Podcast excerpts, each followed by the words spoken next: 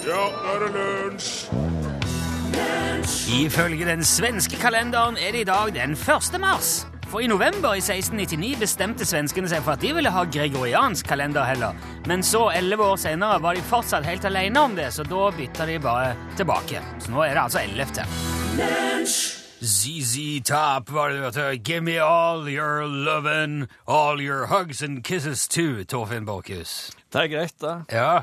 All your Nei, det kan jeg ikke love. Det kan jeg ikke. Jeg har lovt meg bort til noen andre, som ikke er du. Nei, det skjønner jeg. Du skal slippe det. Dette er Lunsj. Dette er NRK P1. Mitt navn er Rune Nilsson. Og min kone og jeg har nettopp sett ferdig andre sesong av House of Cards. Ja, spennende. Det var veldig bra. Jeg liker veldig godt den TV-serien som går på Netflix. Men det at man nå, altså når man blir ferdig med en TV-serie på den måten det er jo, Man ser jo TV-serier på en helt annen måte nå. Nå, det, nå ligger det der oppe som på et brett, som en buffé. Ja. Og så er det bare liksom, hvor stor mage du har, så kan du spise i, den, i det tempoet du vil. Men nå er vi akkurat ferdig, og da befinner vi oss jo i et, litt, et slags fjernsynsunderholdningsvakuum akkurat nå. Ja. Vil du ha noen tips, da? Eh, Ja Jeg hadde ikke Altså, i går, når vi satt når vi liksom, Som var første kvelden i, i vakuumet, og det nye vakuumet, Ja. så tydde jeg rett og slett til litt sånn kanalsurfing. Ja. ja. Begynte å se litt på de der lineære TV-kanalene som altså, ligger inne i boksen min. Og så havna jeg på TLC. Ja, for han må vel nesten si at House of Cards, som du har sett, har jo sagt det? Du Jeg sa det i går på Netflix. Ja, bra. Mm. TLC. TLC, The Learning Channel. Læ Ja. Læringskanalen. Ja. Der kan man da eksempel lære um, hvordan det er for en mann å ha fire koner. Det er en serie som er én mann, fire koner. Ja. Det er jo lærerikt. Og så eh, kan man lære hvordan man finner den perfekte brudekjolen. Ja, ja, ja. Hva som skjer når skjønnhetsoperasjoner slår feil, og ikke minst om kvinner som er fullstendig opphengt i fargen rosa. Og mannen som samler på parykker av ekte hår. Dette, alt dette er læring som de tilbyr. Det er jo en nisjekanal. Ja, ja. Det skal sies. Det er primært en kanal for kvinner mellom 25 og 49 år. Den er eid av Discovery Network, Discovery Channel Ja. Association Extravaganza Monster Monster Business Company. Og um, de har over, de har over 100 kanaler i mer enn 180 land. På 39 forskjellige språk med over 1,5 milliarder seere totalt. Discovery-apparatet. Det er stort. Ja. Mye å ta inn. De omsetter for over 25 milliarder kroner i året, og mye av de inntektene kommer jo av reklamen de sender, Ja. for blant annet Nicorette. Det sånn eh, tyggis. Røyke, røyketyggis. Ikke bare det. Eh, de har òg nå eh, spray. Nicorette munnspray. Den så jeg reklame for på TLC i går. Det er egentlig dit jeg skulle, da. Å ja, i stedet for å ta en uh, røyketyggis, så tar du en liten sånn tss, Ja, de, de har de har sånne små pastiller, og så er de i plast, da. Det var vel det første. Som du setter på, og så får du liksom nikotin inn Ja. nærmest intravenøst, eller ja, inn i, rett inn i systemet. Mhm. Um, den så, ja, jeg så altså som sagt reklame for denne her spray, munnsprayen på TLC i går, og da sa dama i fjernsynet, hun sa Nicorette gjør noe fantastisk. Det fikk meg til å tenke. Nicorette gjør noe fantastisk. Jeg, be, jeg begynte å tenke, hva er det til fantastiske som den munnsprayen gjør? Hva er det munnsprayen gjør? Jo, han tilfører jo nikotin. Ja. Det må man kunne si som er hoved- eller nøkkeloppgaven til Nicorette-produktene. Ja. Tilføre nikotin. Det er en giftig alkaloid som finnes i tobakksplanter, og som har fått navn etter den franske ambassadøren John Nicot, som sendte tobakk og tobakksfrø fra Portugal til Paris i 1550 og anbefalte det som legemiddel. Derav navnet nikotin. Nikot. Det frigjør både adrenalin og dopamin, så det er sterkt avhengighetsskapende. Ja. Dopamin er jo kroppens belønnelsessystem. Ja. Så når kroppen skiller ut dopamin, så er det for å gi et signal om at dette er bra for deg. Dette må du gjøre mer av. Mm. Men så er det ikke alltid dopaminen har helt rett, da. Um, for nikotin trekker også sammen muskulaturen i blodåreveggen, øker blodtrykket, øker også produksjonen av saltsyre i magesekken og kan forverre magesår og gi spiserørsbetennelse. Ja. Det er kanskje derfor mulige bivirkninger av denne Nicorette munnsprayen kan være irritasjon i munnhule og svelg, hikke, halsbrann og hoste. Det Sies å være forbigående, men det står i hvert fall på pakka. Dette er sjekke. Nå skal jeg si Altså, jeg bruker sjøl snus, så jeg utsetter meg for alt dette hver eneste dag. Og jeg mener ikke, at, jeg mener ikke å holde opp noen pekefinger nå.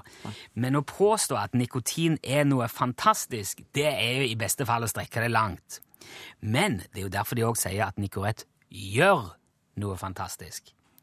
Og det fantastiske der er jo selvfølgelig å hjelpe deg å slutte å røyke.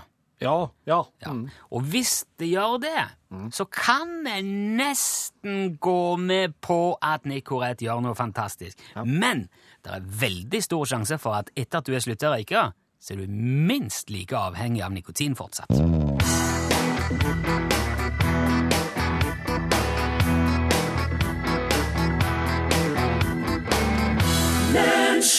John Meyer, var det du hørte der? Låten that's Bigger Than My Body. Sett Torfinn fast med en tekst i musikkabalen. Og vinn et krus. Fra Musikkabalen eh, på NRK P1, Margrethe Holts legendariske Vi har armer vi- har armer, og de er vi ikke redd for å bruke. Eh, vi kan Wow, klappe, vinke til hverandre. Vi har arvet premielageret til Margrethe Holks Musikkabalen. Margrethe Holk. Margrethe Holk! Nei, nå!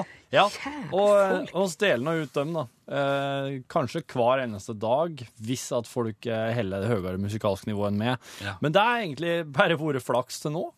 Eh, det er i ferd med å snu. Ja. Det som er oppgaven her, det er å gripe et telefonapparatur, slå nummer 815 21 031. Den første som kommer gjennom når vi åpner for slusene, Ja. må da synge en strofe av en sang Ja. en, eh, med, en- med en tekst. Ja. Hvis Torfinn klarer å følge opp, ja. så får du ikke noe krus. Nei. Hvis du setter Torfinn fast med den tekstlinja, Noe som ikke skjer. da får du et uh, Musikkabalen-krus Og da blir jeg i posten. veldig sint. Da blir jeg veldig sint og overrasket. Slei veggen. Aldri skjedd før. Nummeret er 815 21 031. Vi åpner slusene der. Skal vi se. Sånn. Spennende, da. Ja, det er veldig spennende. Det er jo alltid fryktelig spennende hver eneste dag Og se du? om noen klarer å sitte fast. Hva tror du de synger i dag? Jeg tror de synger noe som du ikke klarer, og det pleier skje. Oi! Wow. Hallo! Hallo. Hallo! Hallo! Hvem Hei, hei. Er det Berit Pauline? Ja. Imponerende, Berit Pauline. Der Ja, traff du ja, godt. ja, ja, ja. Du Jeg er, er rask på labben når det gjelder dere, vet du. ja, det har vi opplevd før, Berit Pauline. Det er veldig hyggelig. Det er lenge Ja. siden vi har hørt fra deg nå. Da, det, det var kjekt. Nå kjenner jeg at jeg er litt spent på hva som kommer vår vei fra Mosjøen i, i dag. Ja, nå skal jeg prøve. Ja, Der hvor ingen mann har satt sin fot. Har det bodd en bjørn i romskogen Far! Dette er, er det, der hvor ingen mann har satt sin fot. Jeg bare trykte nei-knappen her, Berit Pauline, for det kan umulig stemme at det har bodd en mann med en bjørn. Nei da, nei da, nei, det er helt feil. Selvfølgelig. Hvordan går han videre? Ja, videre må jeg si, det blir så det blir, jeg, jeg kan det ikke så godt, men jeg kan si hva tittelen er. Ja, Alperosen. Høyt på eh, Alpens isbelagte tinde. Der hvor ingen mann har satt sin fot. Der la-la, og så videre. ja, ja ok. Det er alperosen. Ja, Nå, nå taster Torfinn som, eh, som gal her for å finne Finner du han? Ja, Torfinn? Der hvor ingen mann har satt sin fot. Der svaier rosen for de friske vinde. I fjellet Srevner fester den sin rot. Ja. Gammel, gammel, god melodi. Men jeg tenkte at jeg må ta en sånn gammel melodi til en så ung mann. som- Ikke sant? Den er fra begynnelsen av 1800-tallet, Berit Pauline. Ja, ja, det er jo klart. Dit måtte jeg for å sette det på plass. Ja, det er helt på grensa til Jeg syns dette var så betimelig og så ryddig. Torfinn er altså for et barn å regne, og barn må av og til settes på plass. Berit Pauline. Ja, da syns jeg akkurat så dere satt oss litt, litt til årskomne på plass med all den moderne musikken. Ja, ok. Ja, så må vi få en balanse i det. Når vi godt voksne ringer inn, så har vi vår rett, menneskerett. til å, å synge noe gammelt. Ja, det setter jeg pris på. Berit Pauline. Ja. Og akkurat nå har det òg eh, skaffa deg et eh, nydelig Musikkabalen-krus med en liten lunsjhilsen oppi. Åh, Så det jo dobbelt, dobbelt glede. Margrethe Holt og så dere tre. Ja, det er som en radiofruktsalat i posten på vei til deg, Berit Pauline. Tusen takk for at du var med. Ja, takk for jeg fikk være med. Vi høres nok igjen, tror jeg. Det gjør vi sikkert. Det er ikke mange som kan få selveste kongen til å begynne å grine og slippe unna med det, men det er Ingebjørg Batland gjort. Gjorde du det, ja? Når hun sang eh, under avdukingen av eh, statuen av eh, kong Haralds mor, av dronning Maud, Aha. da felte han en tåre. Ja, hva, hva sang hun da?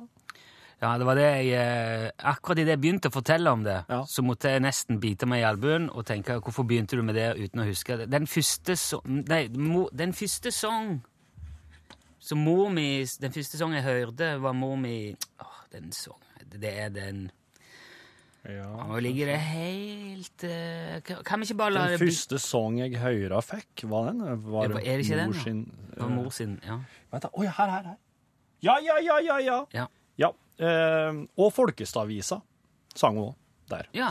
Så, men den første sangen Høyre fikk, vet du, da, så klart den kom det, inn det, er jo ikke, det er ikke mange som Men tenk Da deg det. jeg huksa kongen når Maud satt og sang Ja, for ja, ja. ham. Og han sov, satt, sov jo for seg i statueform der. Selvfølgelig var det Sterkt. Sterkt. øyeblikk. Veldig sterkt. Det var også veldig smart låtvalg av Bratland. Ja. Ja, eh, elegant uh, hopper jeg over til uh, han Johan Remington uh, Tolkien. Nei, jeg husker ikke hva han heter. Tolkien. J.R.R. Tolkien, ja. Ja.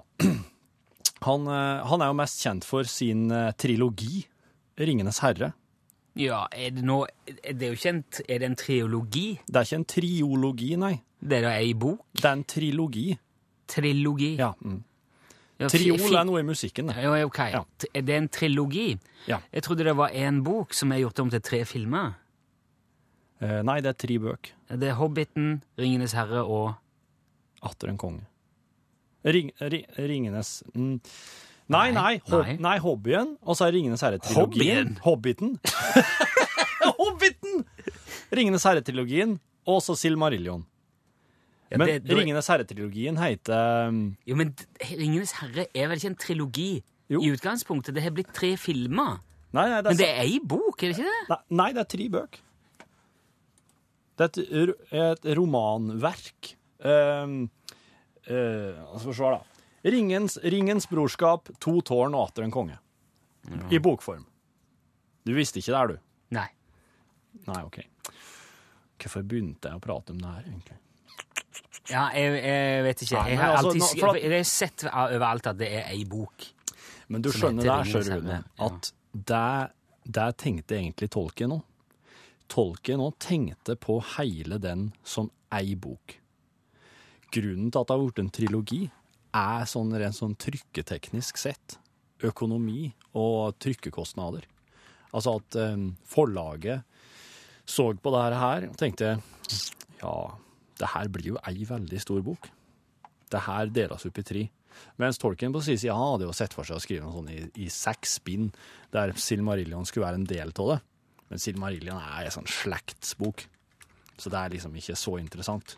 Det er ikke så mye, det er ikke så mye drama. Så Jeg er helt satt ut fordi at jeg sa at mor av kongen heter Maud. Hun heter jo Martha. Det Ah, det er der du sitter og tenker på. av- Ja, da kommer jeg, jeg er det, det, Men du vet det du- er så utrolig lett. The, The Foundations med Build Me Up uh, Buttercup. Ja. Kjempe, kjempelåt, vet du. Ja, det er jo Det det. er kjempefint. Bare.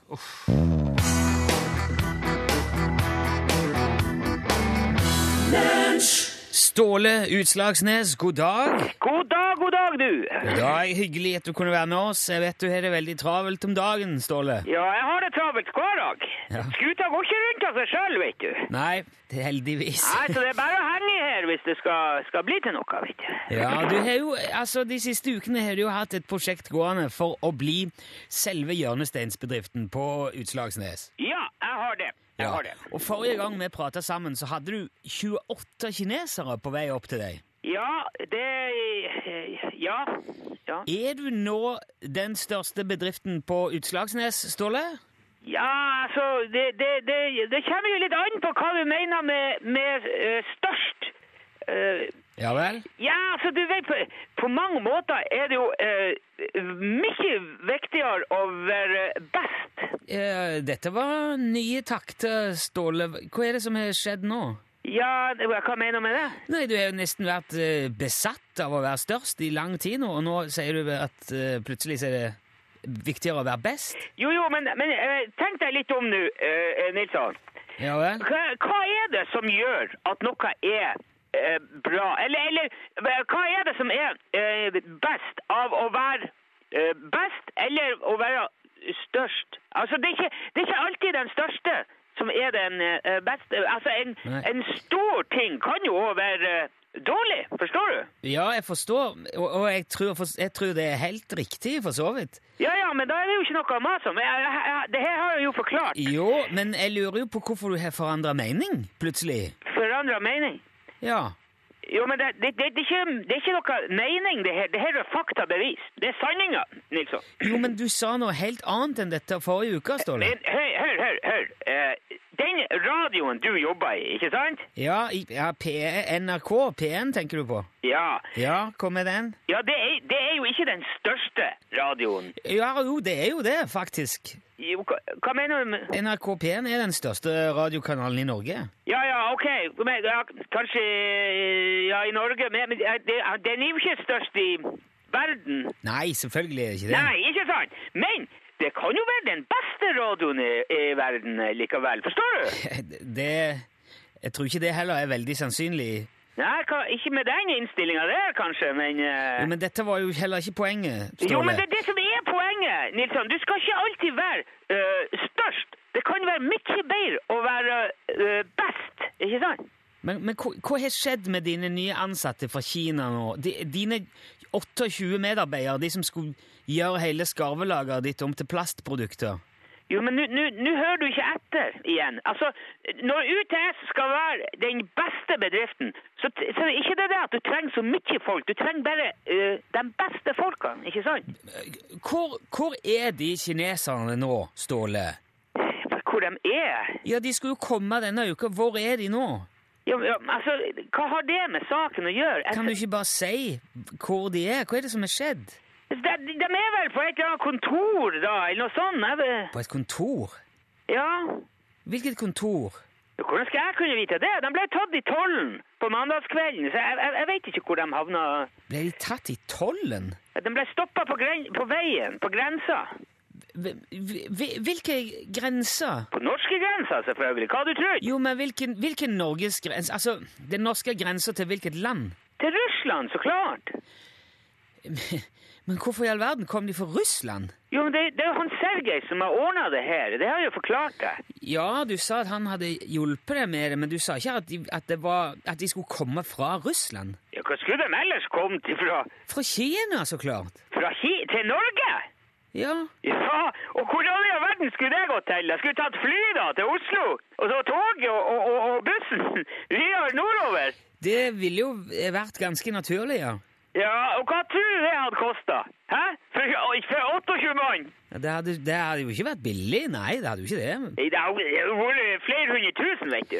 Jo, men hvis du skulle ansette 28 mann fra andre siden av jorda, så vil det jo nødvendigvis medføre kostnader, Ståle. Nei, men ikke hvis du tar det gjennom Russland. Han Sergej det har jo masse kontakter med båter og alt mulig. Og da slipper du det der eh, papirmølla og alt det der. Og... Hva, hva, er det, hva er det egentlig du har gjort her nå, Ståle? Vent litt, vent litt, det ringer på her nå. Jo, men det her, vi, vi, hvis, hvis du har prøvd å frakte 28 kinesiske ansatte inn til Norge via Russland uten å ha arbeidstillatelse eller noen ting klart på forhånd, da er det jo Det er jo nødt til å være kriminelt. Det er jo, det er jo. Ja, hva... Vi er fra politiet, utlendingsseksjonen. Kan du være så grei å, å være med opp? Ståle? Ja, det passer lett dårlig nå. Jeg er midt i en telefon her nå. Det er radioen.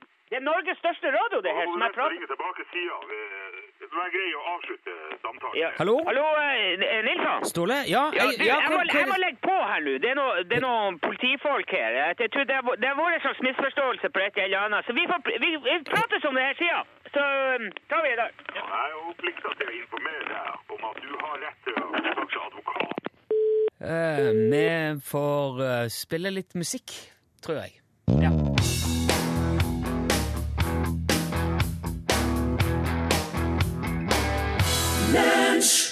Du hørte her i King Midas, og låten het Snow. Og så kan jeg jo bare si, for de av dere som ble så alterert når jeg sa at uh, kong Haralds mor var Maud, at jeg ikke hørte hva som skjedde etterpå, slo av radioen og løp til skrivebordet og tok fram korrespondansesettet og begynte å skrive brev til Rikskringkastingen om eh, skandalen. Jeg bare gjentar det. Eh, Det var en eh, såkalt slip of the tongue. Og vi fikk rydda opp i at det ikke er dronning Maud som er kong Haralds mor, det er prinsesse Märtha av Sverige, som hun ble kjent for. Hun var både prinsesse av Ikke gå Danmark ut, og Norge. ikke, ikke, ikke, be- ikke begi det deg ut på noe nå. Jeg har det foran meg. Ok, ok, ja. Ja. Og hun er moren til prinsesse Ragnhild, Astrid og Harald. Ja. Som ikke er prinsesse, men nå uh, konge. Det var til hus av uh, Bernadotte og Schleitzing Holstein, Sonsberg, Luxburg. Og uh, datter av prins Carl, eh, hertugen av Vester-Jøtland. Og så eh, skal jeg òg gå med på at Ringenes herre-boka er en trilogi. Han var egentlig tenkt som seks bøker, men eh, papirmangelen i etterkrigstida tillot ikke Altså, Egentlig ville han gi ut alt som ett bind, Ja. men eh, papirmangelen i etterkrigstiden tillot ikke det. Nei. Derfor ble det tre bøker. Yep. Ringenes brorskap, To tårn og Atter en konge. Kjempebra. Ja, så eh, flatere enn dette går ikke an å bli. Dere kan legge ned telefonen og hilse publikumservice fra oss og si at nå har vi kledd ut for det. Det jeg egentlig skulle si nå, det var jo noe langt mer positivt og veldig spennende og utrolig tøft. Som er en direkte konsekvens av at vi lever i framtida, som vi jo gjør. Vi har jo verden i lommen. Vi kan fly hvor som helst i verden, og alt det der. Det er jo teknologiske framskritt. Over en lav sko alle veier. De siste 20-30 årene har jo vært fantastiske. Og nå topper det seg igjen. Ja. For nå kommer Memonizeren. Ok. Yes. Det er rett og slett en metallbrikke som harmoniserer den elektromagnetiske bærebjelken i maten din. Den harmoniserer den elektromagnetiske bærebjelken i maten. Er det ikke fantastisk hva som går an? Men det, hva er den elektromagnetiske bærebjelka i maten? Jo, det er jo all eh, den skadelige informasjonen i maten din. Det er en metallbrikke, dette her, Memonizeren, eh, som du legger under tallerkenen, og så fjerner han all den skadelige informasjonen i maten. Han kan òg rense luft og vann og datamaskiner. Nei, Yes. dette Jo, det er lagt inn et enormt bibliotek med informasjon i Memonizeren, og ved hjelp av den informasjonen så omformes den patogene, eller da sykdomsfremkallende informasjonen inne i den gjenkjente bølgen ved å rotere den 180 grader på seg sjøl, og så reflektere den tilbake og ut igjen. Og, og ettersom den energibølgen er en nøyaktig speiling av den originale og skadelige energibølgen, altså informasjon i maten, så nulles han ut. Du, hvis jeg Han nulles meg ut! Maten din, vannet ditt, luften din, datamaskinen din blir rensa. Det er helt fantastisk. Men altså, hvis jeg logger meg eh, en porsjon med fiskeboller som inneholder tungmetaller Nei, det er, ikke, det, er ikke, det er ikke stoffene. Det er informasjonen i maten. Rens, Ja, Men det er jo ikke noe informasjon i mat! Jo, skadelig informasjon. Det er, bær, det er bærebjelken i maten. Ja, men- Informasjonen. Ok, Ja. Er det noen sånne konspiragærninger som har Nei, det er en helt uh, ordentlig nettbutikk som heter Medvind, som selger den. Koster bare 710 kroner, den der Memonizeren. Den Det er ingenting som koster 710 kroner. Jo, det er ingenting ingenting som koster 710 kroner. En Memonizer gjør det. Ingenting som koster Pluss frakt og muligens. Jeg vet ikke. Mattilsynet òg sier at det er sludder og vrøvl. Ja, Bare prisen sier meg at det er et tull. Men, men Medvind sier at det er bare helt nytt. Det er bare det at uh, Mattilsynet har ikke hørt om det ennå. Det er ingen eksperter, ingen sånn forskere, ingen av de som vanligvis kan ting om mat, som har fått, vet om dette med den skadelige informasjonen i mat. Jeg var, jeg var heller ikke, skal jeg innrømme, jeg var ikke klar over at det fantes skadelig informasjon i mat Men det har Ja. ikke noe å si, Nei, for nå kan det fjernes med Memonizer. Speiles tilbake. Ja. De har 180 grader. Ja, ja, ok. Jeg syns det er så kult i denne tidsalderen, altså. Imponerende.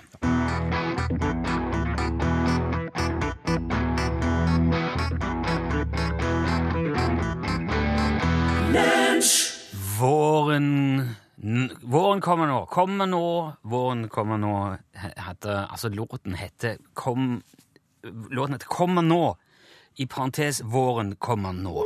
Ok. Det var mm, Stein Ove Berg som sang. Spilte og holdt på.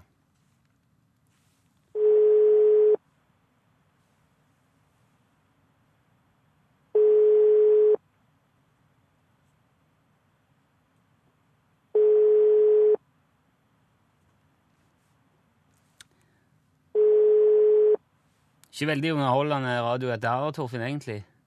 Nei, det er ikke Vi får, eh, vi får prøve å gjøre det på en annen måte. Er vi, er vi igjen der det er, det er vanskelig å ta folk på sengen når, eh, når eh, de er så langt ifra både seng og telefon at man på en måte Ja, du skjønner tegningen. Skal vi se. Nå er jo igjen katta ute av sekken, og vi er på en måte der. Men vi får nå se. Kanskje vi kan Ja, jeg skjønner det. Skjønner det. Mot vann. Eh, hallo? Hallo, ja? Unnskyld. Snakker nå med Trond?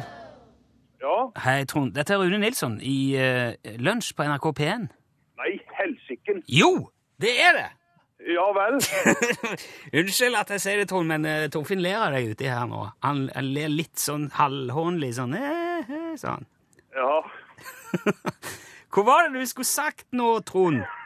Det var Utslagsnes Transport og Skarv, vær så god. Ja, det var jo det. Men ifølge det nye EU-direktivet for denne type eh, radiokonkurranse i allmennkringkastere i EØS- og Schengen-området, så kvalifiserte du deg ikke til lua nå, altså, Trond. Faro heller, altså. Ja. Nei, det var trasig. Det eneste jeg kan si, er at det er jo fortsatt håp i det snøret som henger der. Det har skjedd at folk har blitt trukket ut to ganger. Er Ja, vi, får bare, vi får bare håpe. ja, Men du skal selvfølgelig få en, en oppmerksomhet i posten likevel. Vi skal sende en pakke til Birkeland, altså, Trond, sånn at du har et lite minne om den dagen det skar seg.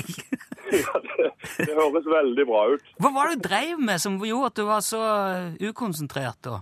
Nei, du vet, det var noen som forstyrra meg, vet du. Ah, folk, altså! Folk! Ja, ja, det er så galt.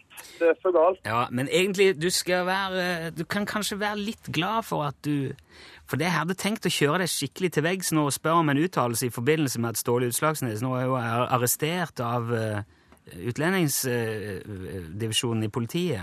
Ja, men det, det, er, det er feil opplysning, det der. der. Ja, det er det, ja. Ja, ja, det, det er falske beskyldninger. Ja, Det er jeg veldig glad for å høre. Da fikk, Ja, ja, ja, eh, det var betryggende på tampen. Ja. Trond, tusen takk for at du eh, deltok i konkurransen. Jeg håper vi høres igjen, og at du, ingen forstyrrer deg da. Ja, det håper jeg òg. ha en fortsatt fin dag, Trond. Takk skal du ha. I likeså. Ha det bra. Hei, hei, hei. Vil du være med på den konkurransen, ja, så er jo altså eh, koden til SMS-en UTS. Mellomom, navn og adresse, send til 1987. Da er du i folden, og da kan det bli deg vi ringer neste gang. Da må du svare.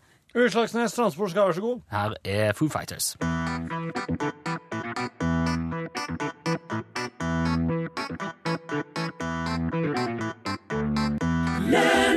Selveste Foo Fighters, ja. Og eh, låten heter Big Me. Nå må jeg se på uh, klokka på planen her. Ja.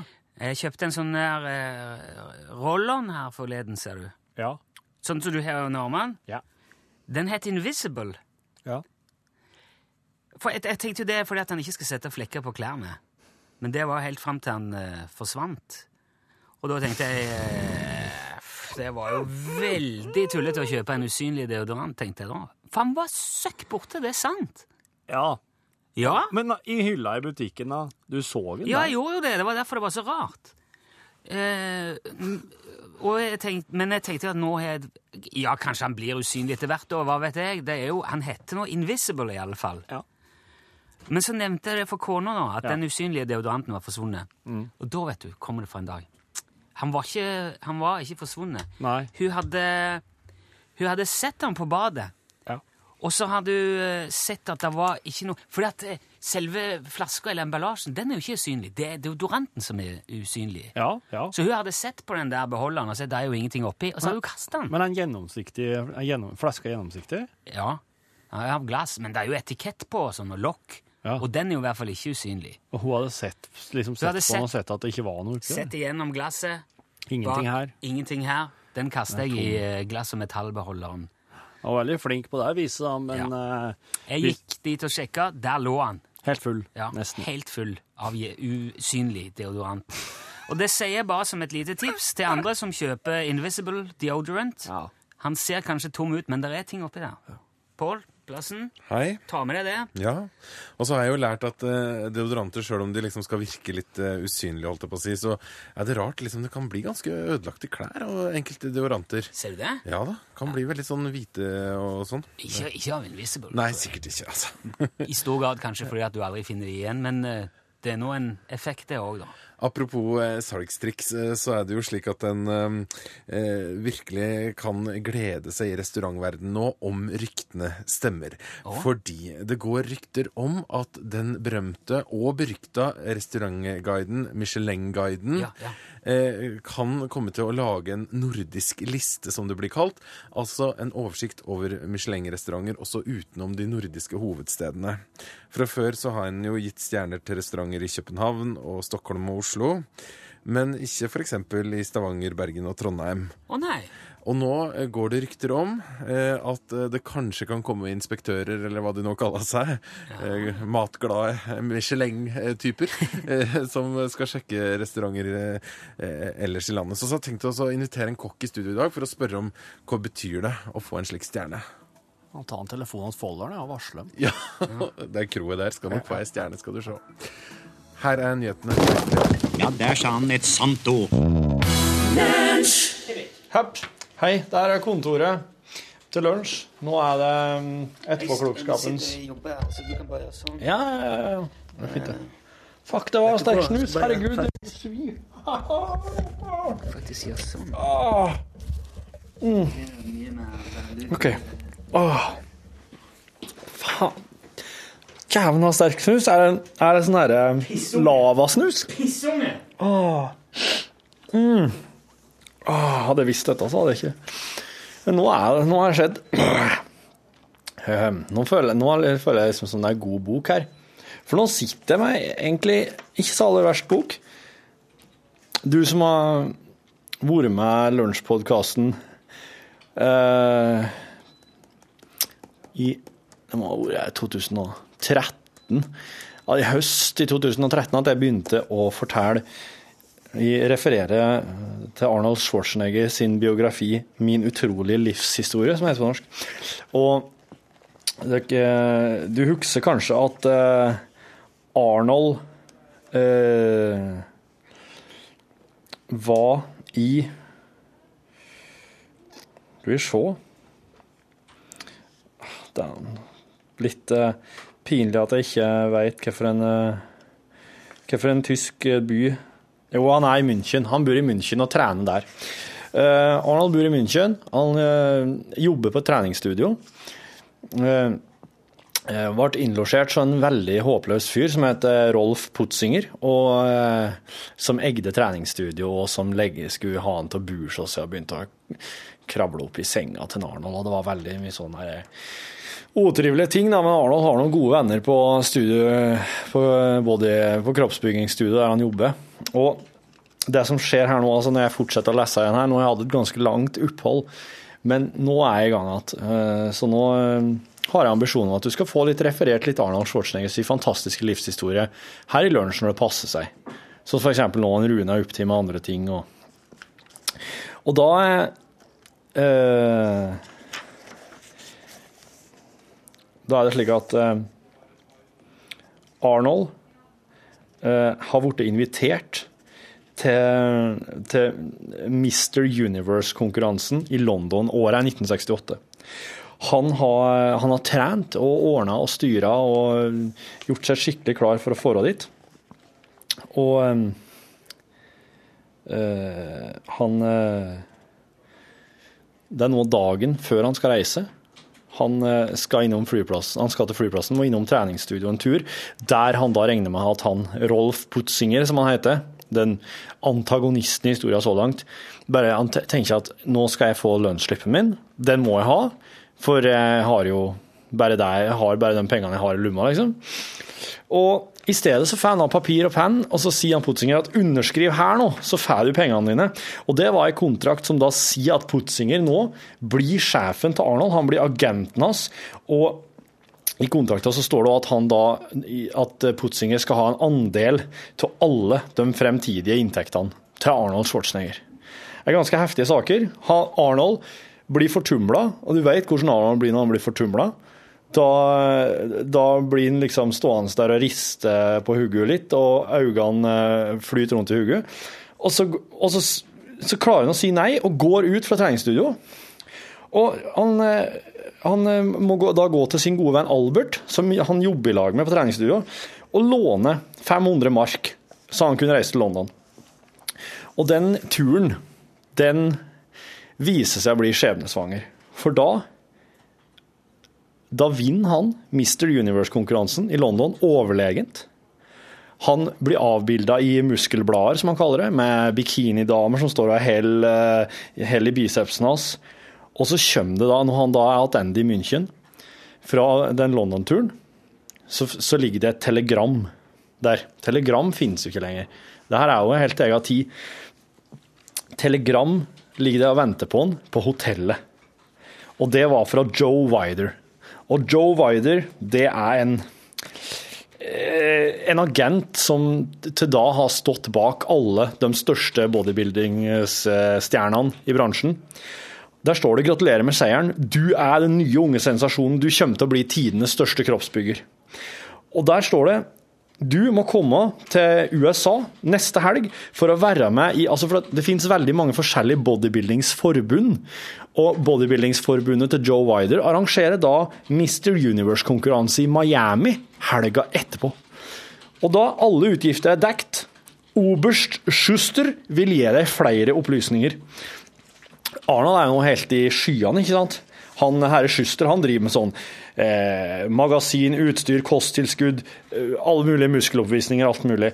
Og nå, eh, nå, nå har han, da blir han oppsøkt av oberst En eh, middels stor dresskledd kar kommer innom hotellet.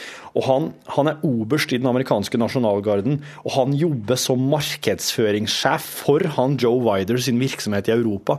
Det her er, det her er Jeg vet ikke om jeg vet ikke om det her ville vært helt innafor for en, eh, en amerikansk eh, oberst i dag, men ja, han Obersten kommer med flybillett, og så finner han ut at Arnold har ikke visum til USA. Trekker inn noen tråder, ambassader Fikser det. Og da, da er det rett og slett bare å eh, sette seg på flyet. Bytte fly i New York, Arnold ser skyskraperne, blir nok en gang helt sånn wow. Øynene flyter rundt i huet, rister på hodet, alt der. Og så kommer han da til, til Miami, der han deltar i Mr. Universe-konkurransen der. Og der gjør han det ikke fullt så bra. Han eh, Han lærer vel egentlig det at Oi, jeg har glemt å skru på rødlyset. Han lærer seg at det er noen triks han ikke kan, som han må kunne for å bli eh, verdens største. Eh, han må liksom vinne må, Du må vinne du må vinne kjempemange Mr. Universe og Mr. Olympia og alt mulig slik for å kunne uh, Altså, de, de store på den tida har liksom vunnet fem-seks forskjellige på rad. Og da først kan du begynne å liksom si at du er den største. Og det er 24 deltakere her. Og uh, han deltar da eh, med den beste i klassa for lave kroppsbyggere. Er Frank Zane. Og han var, han var stor, velforma, som Arnold eh, skriver, og sterk. Og han var òg da veldig brun. Han var solbrun. Det glinsa av han. Mens Arnold, han er hvit som en fotball, som han skriver. Ja, fotballen er jo for så vidt hvit. Og litt svart òg, men. Så da Arnold blir sli, han kommer på Tja. Han, han blir sli av Frank Zane, som er 12 cm kortere og 23 kg lettere. Og det, en, det er en kjempenedtur for Arnold. Nå går han helt ned i kjelleren på et hotellrom. Uh, han er, han er bortimot utrøstelig, men han deler rom med en som heter Roy Callender, som er en svart kroppsbygger fra England. Og Arnold skriver at han her er Roy Callender han er veldig snill med Arnold og prater med ham om tapet. Og han er mye modnere enn Arnold skriver han. Han prater om ting som Arnold ikke helt forsto. Roy Callender prata om følelser.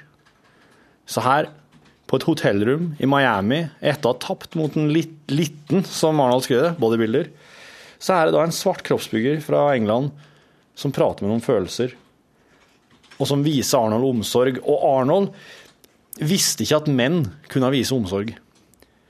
Han trodde bare at damer kunne vise omsorg på den tida her. Mora hadde vært omsorgsfull, andre damer hadde vært omsorgsfull, men å få ekte empati fra en mann var overveldende. Fram til da hadde jeg trodd at det bare er jenter som græt, men jeg ble liggende og gråte stilt i mørket for meg sjøl i mange timer. Det var en stor beskrivelse, beskri, befrielse, skriver Arnold. Og når han våkna morgenen etter da, så skinner sola inn i rommet. Miami-sola. Den samme sola som overalt ellers, altså. Og telefonen ringer ved sida av senga. Og da er det ei raspende stemme som sier Arnold, det er Joe Wider. Jeg er ute ved bassenget. Har du lyst til å komme når jeg etter frokost? Jeg vil gjerne intervjue deg til magasinet. Jeg vil gjerne ha et førstesideoppslag med deg om hvordan du trener. Prikk, prikk, prikk. Arnold går ned til bassenget. Der sitter Joe Wider i ei stripete badekåpe med skrivemaskina foran seg. Han tror nesten ikke det er sant. Arnold har vokst opp med bladene hans, ikke sant? Og der, der intervjuer han altså Arnold helt fram til klokka blir tolv ved frokosten. Med alle mulige spørsmål om hvordan Arnold trener, om hvordan han hadde jobba og trent hjemme i Østerrike. Hvordan han har trent i skogen i sånne gladiatordager, som han kaller det. Og han, han bruker nå Joe Wider sitter nå og tenker, bruker tida si, og så sier han ikke reis tilbake til Europa. Du må bli her. Så han vil altså at Arnold skal flytte til Los Angeles, til California. Han skaffer Arnold leilighet og bil og skal dekke levekostnadene det neste året for Arnold, slik at han kan trene og konsentrere seg fullt og helt om det. Og når det da var tid for Mr. Universe-konkurransen at neste år, så skal han prøve seg på nytt. Så nå har Arnold bestemt seg for å bli værende i USA. At han aldri mer skal altså han, han, Arnold framstiller seg som en amatør fordi at han blir lei seg for at han topper. Han skal heretter nå, hvis han topper en konkurranse, gå glisende av scenen og tenke at han gjorde alt han kunne. Han gjorde sitt aller, aller beste, og han tapte lell. Da er han en proff. Så nå eh, eh, Dagens kapittel om Arnold slutter altså her. Året er 1968, og han har bestemt seg for at han skal nå bli værende i USA. Han drar ikke tilbake til Tyskland. Han drar ikke tilbake til München, til treningsstudio, til Rolf Putzinger og til vennene sine der. Punktum. Jeg syns det er veldig fascinerende å lese det her, for at det her handler jo faktisk om en som etter hvert spiller i uh, noen av historias uh, største kassasuksesser, og som blir en sånn uh, 80-talls actionhelt for mange av oss. Jeg gleder meg veldig til det, til, til det kommer fram dit. Nå blir, jo snart, jo snart litt filmkarriere her òg, med slike ting som Konan, Barbaren f.eks. Og jeg er spent på å høre hva han sier om den bransjen der. For den kroppsbyggingsbransjen, den er ja, Det er fascinerende å høre om det nå. Det høres jo egentlig mest ut som ganske store, store karer som eh, er veldig glad til noen. Det er jo eh, fascinerende. Jeg forbinder jo det der med å være stor og muskuløs med aggresjon, men det er jo faktisk ikke det. Det er jo bare ekstremt mye trening. Veldig sånn veldig fokus på kropp. Veldig sånn på en måte sjølopptida og, og ekstremt eh, mål, målretta. Så eh, på grunn av eh, litt forskjellige ting. Noe eh, forskjellig jobbing med eh, Charlie Rackstead-plate, planlegging, eh, den slags ting, så blir det, ble det altså podkasten i dag. Og så blir det en ny en i morgen. Eller nest, neste gang du finner på å høre podkast, så ligger det vel en ny en der. Skal du ikke ha det bra, Rune? Ha det bra. Ha det bra. Takk for at du lasta inn podkasten vår. Hør flere podkaster på nrk.no podkast.